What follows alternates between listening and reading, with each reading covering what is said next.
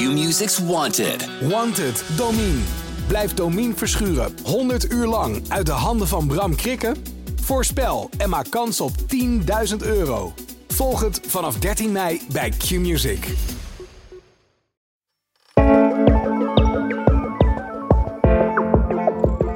Dit is Ondertussen in de Kosmos, de podcast van de Volkskrant, waarin we alles en iedereen door een wetenschappelijke bril bekijken.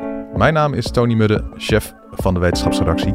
En we doen iets bijzonders deze zomer. We hebben namelijk lezers en luisteraars gevraagd: stel ons een onmogelijk te beantwoorden vraag.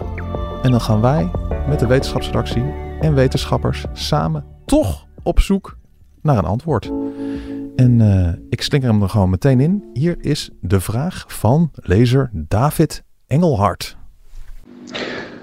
Wat mij al een tijdje intrigeert is de vraag waar we eigenlijk naar zoeken als het gaat om buitenaards leven. Met andere woorden, wat is de definitie van leven? Het gaat mij niet zozeer om voorwaarden voor leven, zoals water of zo, maar echt om de vraag: wanneer gaat nou je lampje branden in de telescoop als je die richt op een bepaalde planeet, simpel gezegd. En uh, die vraag hoef ik gelukkig niet alleen te beantwoorden. Deze pittige, maar ook wel hele leuke vraag van David Engelhart. Uh, ik heb hier wetenschapsredacteuren George van Hal en Maarten Keulemans. Die allebei regelmatig schrijven over de zoektocht naar buitenaards leven. En uh, George, ik begin gewoon even met jou. Want jij schrijft hier volgens mij al vanaf ongeveer dat je geboren bent. schrijf je hier Iets daarna, denk ik. Iets, Iets daarna, daarna ja. Toen, ja, toen begon het. Wat, wat fascineert jij zo aan die buitenaarsleven vraag? Ja, jeetje, het is toch een beetje, hè, uh, we hebben stukje bij beetje, dat hebben wij niet meegemaakt bewust, uh, gezien dat we op een hele grote planeet leven met allerlei ander leven. Mm -hmm. En dan ga je naar buiten kijken, dat gigantische ongelooflijk bizar grote heelal in. Hè, woorden schieten tekort om te omschrijven hoe, hoe gigantisch dat precies is. En dan ga je je toch afvragen, ja, zit daar nou ergens anders misschien ook wel iets dat naar ons kijkt of ja. uh, waar we mee zouden kunnen communiceren of misschien gewoon een of ander ordinair korstmosje ergens op een, uh, op een andere planeet. En dat zou uh, ja, onze blik en ons idee over onszelf zou dat echt wel doen kantelen, denk ik, als we dat leven ontdekken. En jij, uh, jij bent een man met een romantische inborst. Jij stuurde mij ook een, een fragmentje uit een film. Waarin dat gevoel zo van zijn we nou alleen in het heelal heel mooi verwoord wordt. We, gaan hem gewoon even luisteren. Komt-ie. Yeah, there are 400 billion stars out there just in our galaxy alone. If only one out of a million of those had planets. All right, and if just one out of a million of those had life, and if just one out of a million of those had intelligent life, there would be literally millions of civilizations out there. Well, if there wasn't, it'd be an awful waste of space.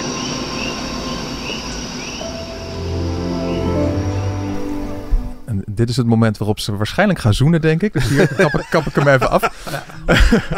wij, wij, wij, horen hier uh, Jodie Foster ja. in de film Contact. Klopt.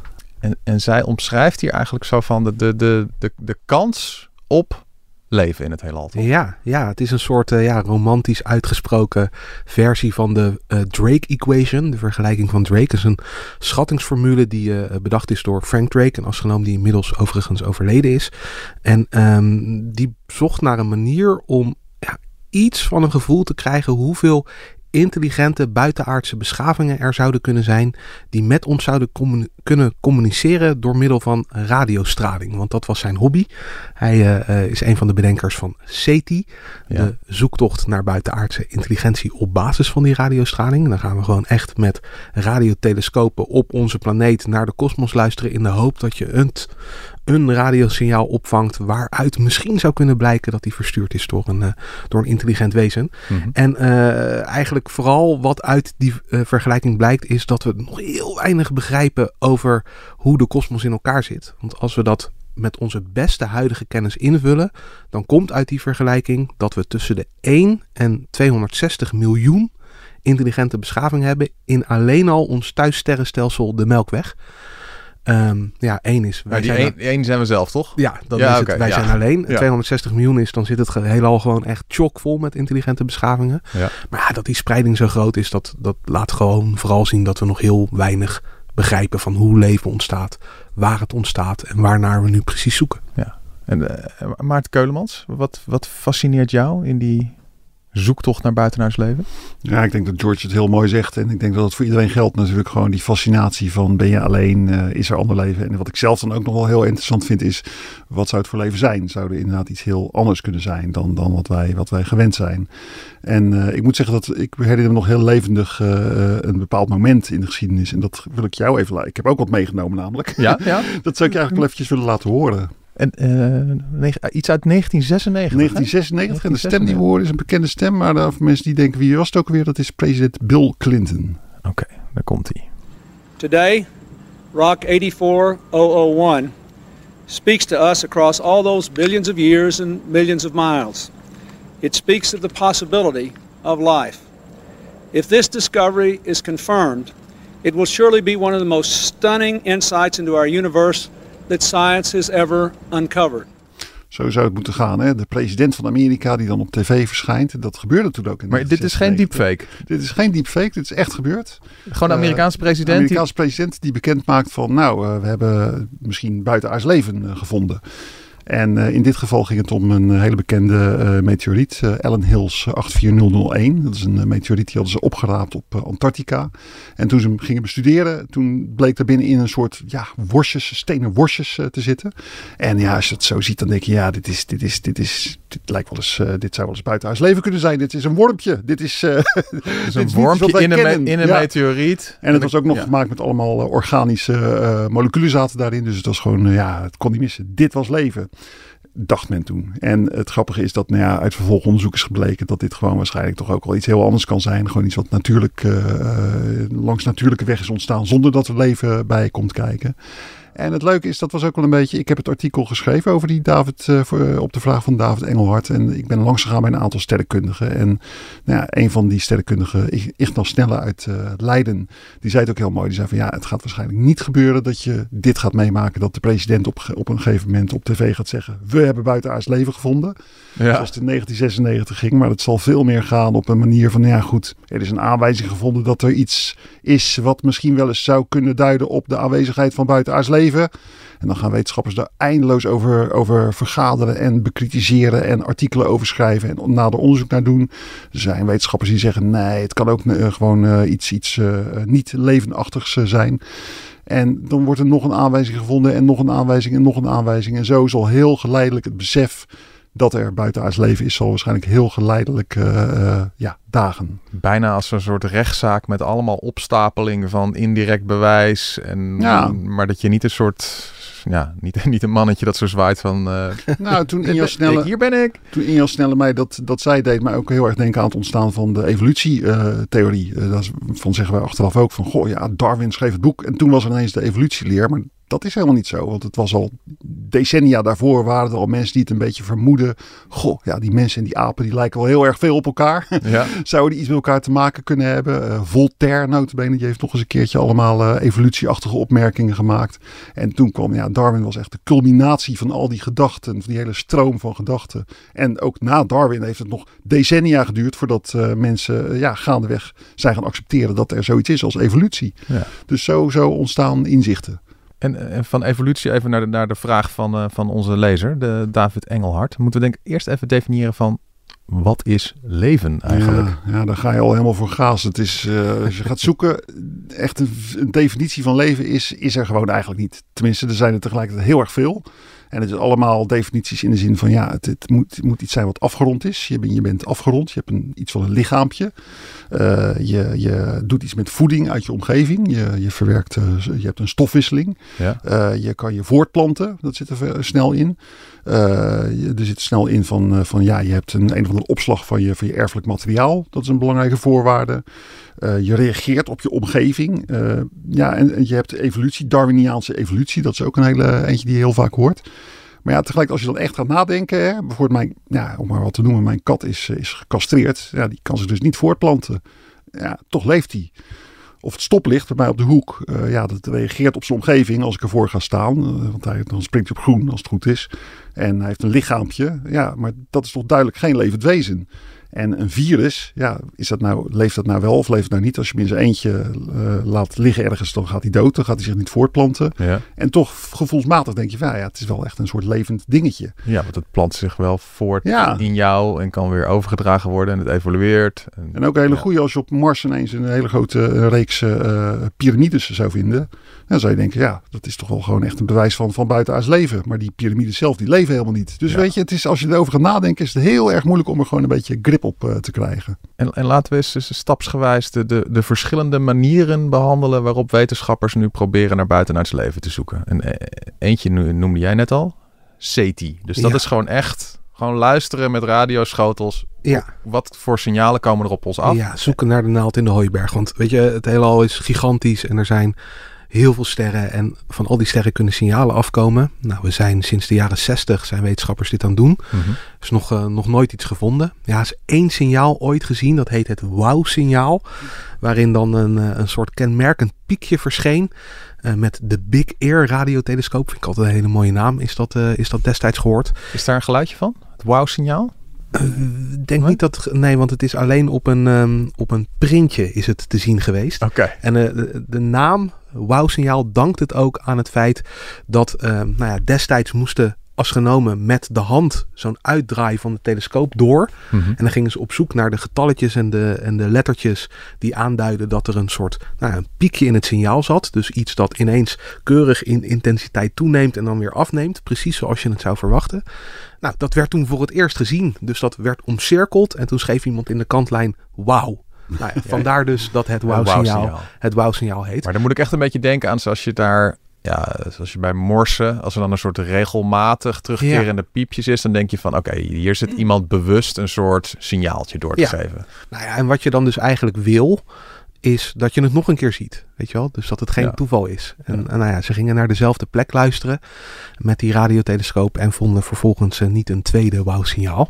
Ja. Eh, en daardoor is deze dus weer afgeserveerd. Eh, het project loopt nog steeds. ja, op heel veel verschillende manieren.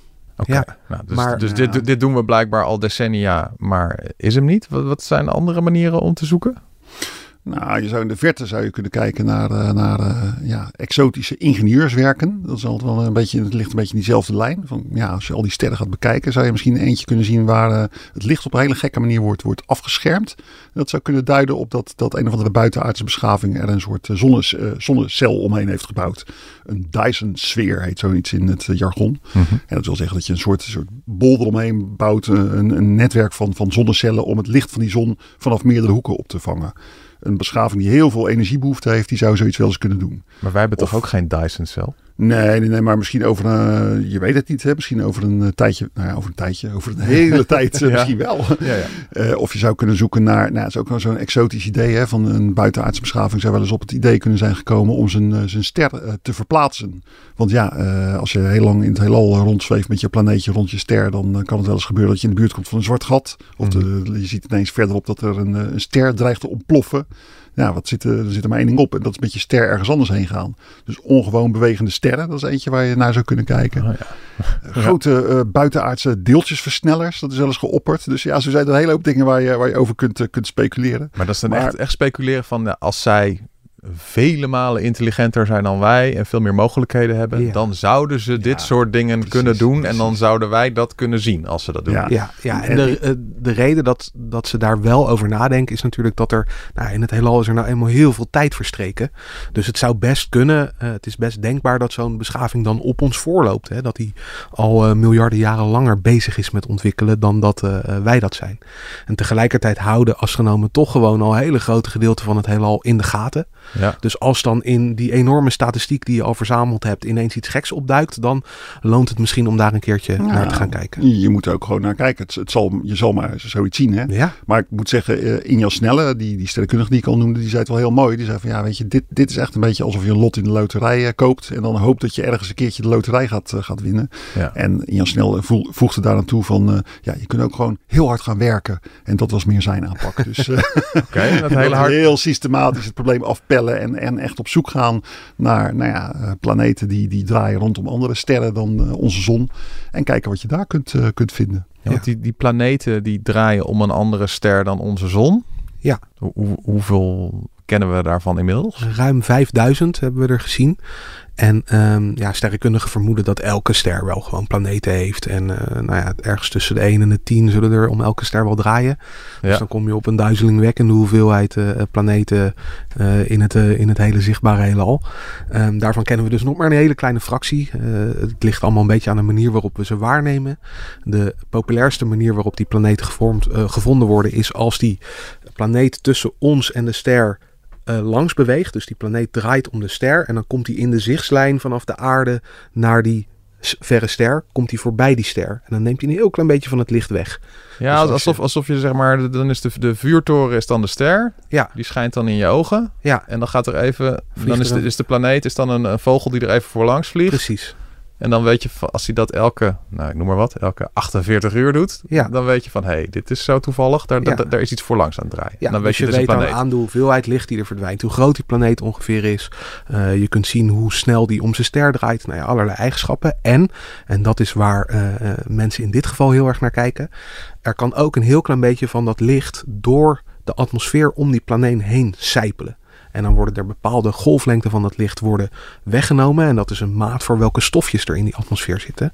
En zo zou je kunnen ontdekken, hé, hey, we hebben een planeet met zuurstof in de atmosfeer, bijvoorbeeld. Hè? En hier op aarde is dat toch wel een, een vrij grote aanwijzing dat hier leven hm. bestaat. Want zuurstof dat reageert normaal gesproken vrij snel weg. Dat blijft niet zitten in zo'n ja. in zo'n planeetatmosfeer. Dus als je dat wel vindt, ja, dan denk je, nou, misschien moeten we deze, deze planeet eens even wat, uh, wat sterker in de gaten gaan houden. En dat is dan zo'n zo waar jij het net over had van het wordt niet één knaller als we het al ontdekken, maar het zou van eerste aanwijzing dat het zou kunnen en dan Ja, dus ik- beter kijken. Ik vond het zo veelzeggend. Ik, eh, ik sprak dus in Jan Snelle, daar heb je hem weer. Ja. En die begon meteen over zuurstof. Nou, zuurstof is echt wel een weggever voor, voor leven. En toen later sprak ik eh, Inge Loes ten Katen, ook een planeetwetenschapper die hier eh, onderzoek naar doet. Een astrobioloog, zoals het dan heet. Ja. En die zei, nou ja, nee, maar zuurstof kan ook gewoon wel eh, door natuurlijke processen ontstaan. Dus ja, je moet ook methaan erbij hebben. Methaan, dat is aardgas eigenlijk. Hè? Nou, als je dat met z'n tweeën vindt, eigenlijk die twee stoffen die breken elkaar af. Dus het is ja, als, als je die vindt, dan weet je in ieder geval dat er iets moet zijn wat het aanmaakt op zo'n planeet. Mhm. Toen stuurde ik nog even haar citaten ter inzage aan Inge Loes ten Katen. Toen ging ze daar weer op, op had ze daar weer een abonnement op. Ja, wacht even, nee, het moet wel in, in aardse verhoudingen moet het eigenlijk zijn, die zuurstof en die methaan. Want ja, anders, kan het, anders klopt het weer niet. Dus weet je, zo zijn wetenschappers eigenlijk zelf, terwijl ze het aan het zoeken zijn, zijn ze ook aan het nadenken van ja, wat moeten we nou eigenlijk eh, vinden? Wat echt een weggever zou zijn, zou natuurlijk wel zijn als je echt iets vindt wat, wat gewoon totaal niet door de natuur kan worden gemaakt. Eh, polyaromatische koolwaterstoffen of eh, CFK's of zo, eh chloor, chloorfluor koolwaterstoffen. Ja. Als je zoiets vindt, ja, dan weet je, daar staat een fabriek te roken, zou ik maar zeggen. Ja, ja, ja, ja, ja. Ja, maar dan heb je dus eigenlijk weer een beetje die speld in de hooiberg, weet je wel. Dus het is veel waarschijnlijker dat, eh, dat je dat soort simpele dingen als eerste ziet. Hè, waar je niet een hele geavanceerde beschaving voor nodig hebt om, met fabrieken om het te kunnen maken. En een heel goed voorbeeld daarvan, en wat ook wel aangeeft hoe moeilijk het is om dit daadwerkelijk te doen, is, eh, nou ja, wat was het, twee jaar terug, eh, toen ze dachten op Venus, hè, de planeet naast de aarde, dus kosmisch gezien echt super dichtbij, Ja. dachten ze dat ze fosfine hadden gevonden in, ehm, in de atmosfeer Ja. om Venus heen. En dat is ook zo'n potentieel teken van leven. Ja, dat is gewoon bacteriepoep, toch? Dat is gewoon, eh, de bacteriën maken dat. Ja, ja, ja, hier op aarde eh, gebeurt dat. En wij maken het af en toe zelf ook. Dus wij dachten onze bacteriepoep te hebben gevonden op de planeet. Die, die wolken van, van die super dicht bij ons. Bacteriescheetjes, ja, Ja. ja. zeker. Ja, en ehm, daar is een, eh, eh, een heel mooi artikel over verschenen. Met, eh, nou, ik weet niet meer precies hoeveel, maar echt tientallen pagina's analyse nog erbij van eh, op welke manieren dat stofje allemaal wel of niet gemaakt kan worden. En of dat dan dus zou kunnen duiden op de aanwezigheid van leven. Ging de Amerikaanse president ook al meteen weer speechen of niet? Eh, of nee, dacht dat hij niet. deze keer van, eh, nou, Dat dat ging bij Bill Clinton niet helemaal goed. Ik Hij had eh, de vorige keer, ja. Ja, precies, precies. Maar de wereldpers sloeg er wel op aan. Hè. We hebben er zelf ook een, een bericht over gemaakt eh, destijds. Mhm. Ehm, maar ja, goed. Vervolgens, een halfjaartje later, kwam er eh, dus een analyse van, daar is die weer. Onder andere Inja Snelle. Eh, die zei, eh, nou volgens mij klopte deze analyse gewoon helemaal niet. Dus jullie hebben waarschijnlijk helemaal geen fosfine gezien. Het was zo ingewikkeld om zelfs op die planeet naast de deur dat stofje te isoleren in die atmosfeer. Dat de manier waarop die meetgegevens geanalyseerd waren een vals positief signaal zouden kunnen geven. Ja, ja. Nou ja, die onderzoeksgroep zelf, als je het vraagt. Hè, ik heb eh, een tijdje terug eh, Sarah Seeger, die daar aan meewerkte, heb ik geïnterviewd. Eh, zij is er nog steeds van overtuigd dat dat fosfine er echt zit. Nou, andere groepen zeggen van no way. Ja. Jullie hebben dat gewoon helemaal niet gezien. En dat is dus naast de deur, weet je wel? Dat is de planeet naast ons. En die Maar, als, andere... maar als het zo naast onze deur al zo ingewikkeld is. Precies. En dan hebben we, want je hebt het over van, dan gaan we om planeten, om verre, s- verre sterren. Nou, dan, dan denk ik altijd onze zon, omdat dan denk ik altijd van, dat is dan iets van acht minuten of zo, voordat het licht van de zon hier is.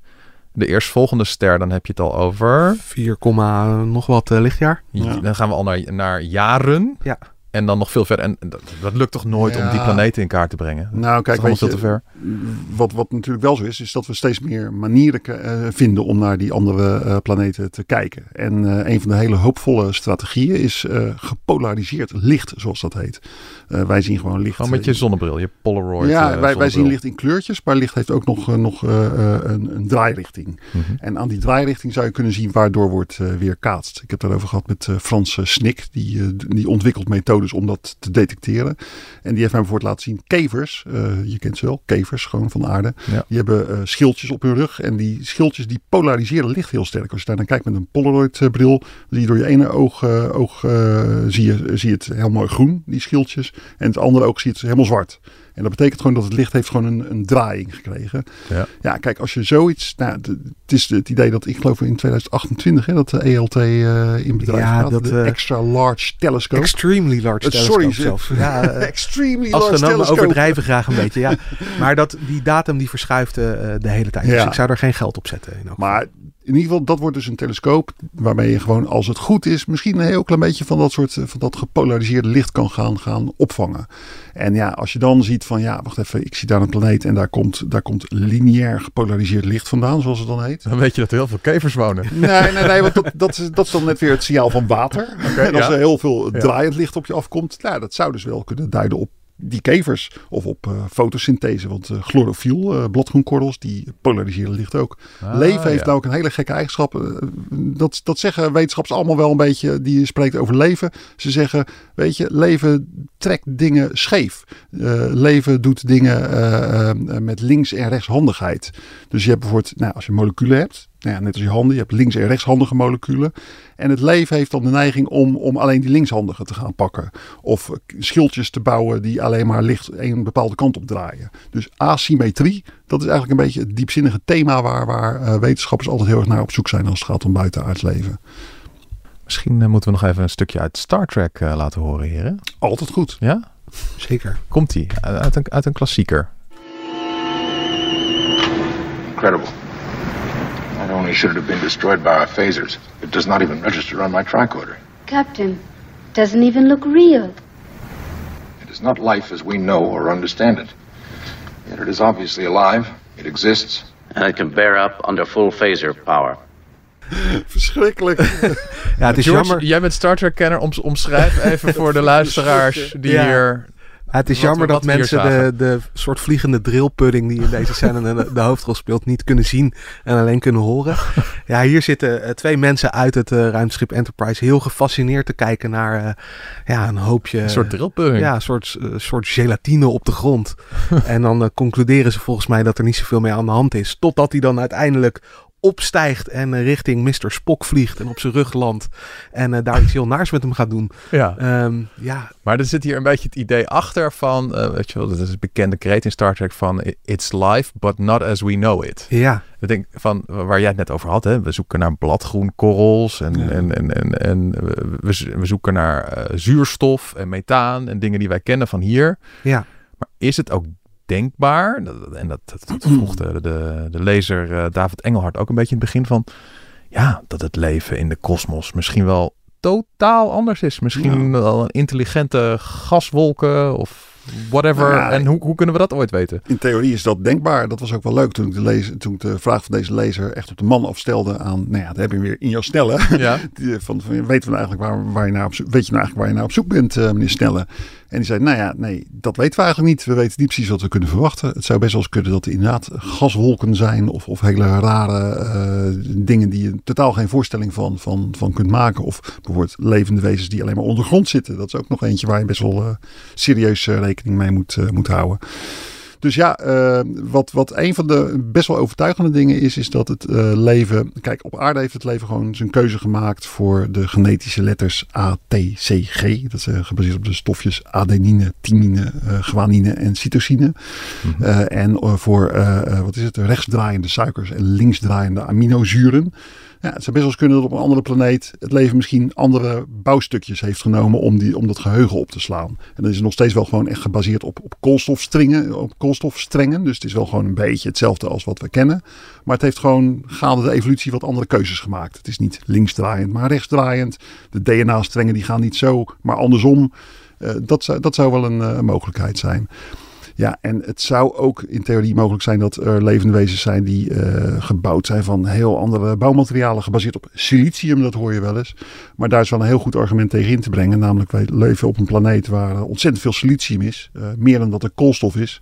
En toch, eh, nou ja, de siliciumwezens die lopen daar niet direct de deur plat, eh, zal ik maar zeggen. Nee, nee. Dus dat is wel een teken dat het leven kennelijk niet, eh, dat het niet zo is dat er overal heel makkelijk siliciumwezens ontstaan. Of drillpuddingen of zo. Ja. Ja, in de science fiction is het natuurlijk, weet je wel, daar is dat het thema leven dat je niet zou kunnen herkennen. En ehm, zelfs in de wetenschap zijn er mensen die dan hele exotische ideeën opperen. Een van mijn favorieten is een eh, wetenschapper, het is wel echt een, nou ja, grenzend aan pseudowetenschap, maar iemand die denkt dat eh, sterren leven.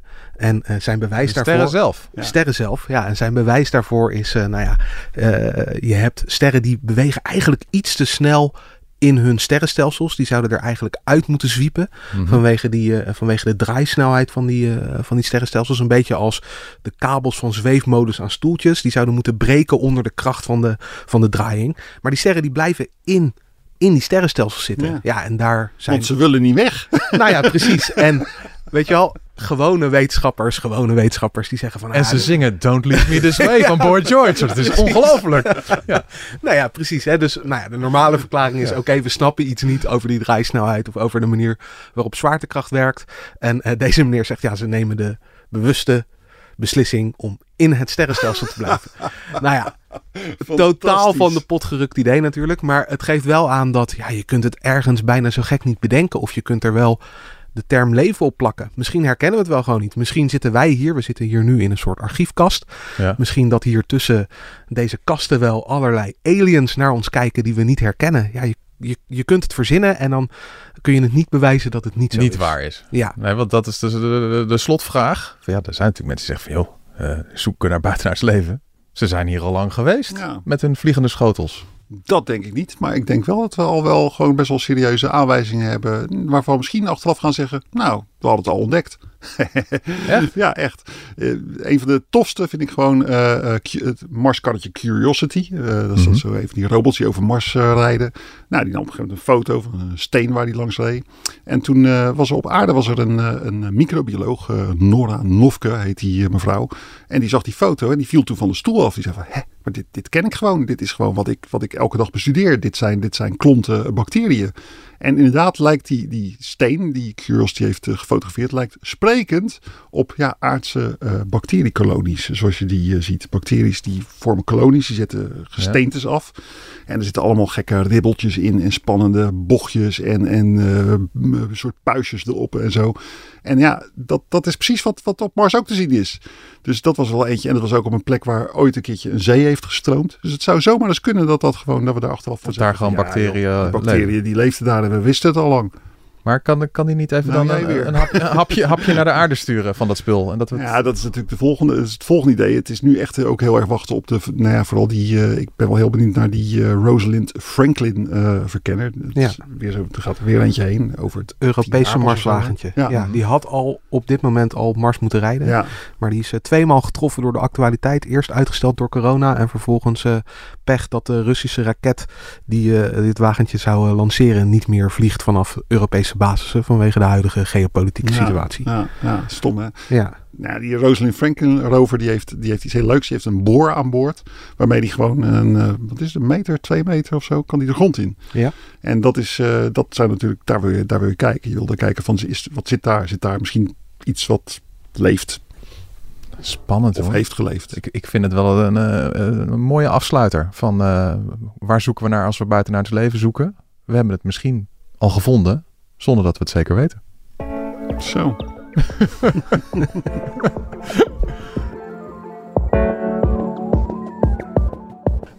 Dit was Ondertussen in de Kosmos, de podcast van de Volkskrant, waarin we alles en iedereen door een wetenschappelijke bril bekijken. Grote dank aan mijn gasten van vandaag, Maarten Keulemans en George van Hal.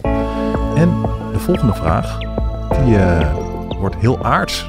Dat wordt namelijk de vraag, hoe kan het toch dat sommige mensen zo optimistisch zijn, zelfs als er tegenslag is in hun leven, terwijl andere mensen constant lopen te Tobben. tobben. Nette woord. Ja. Tot de volgende keer.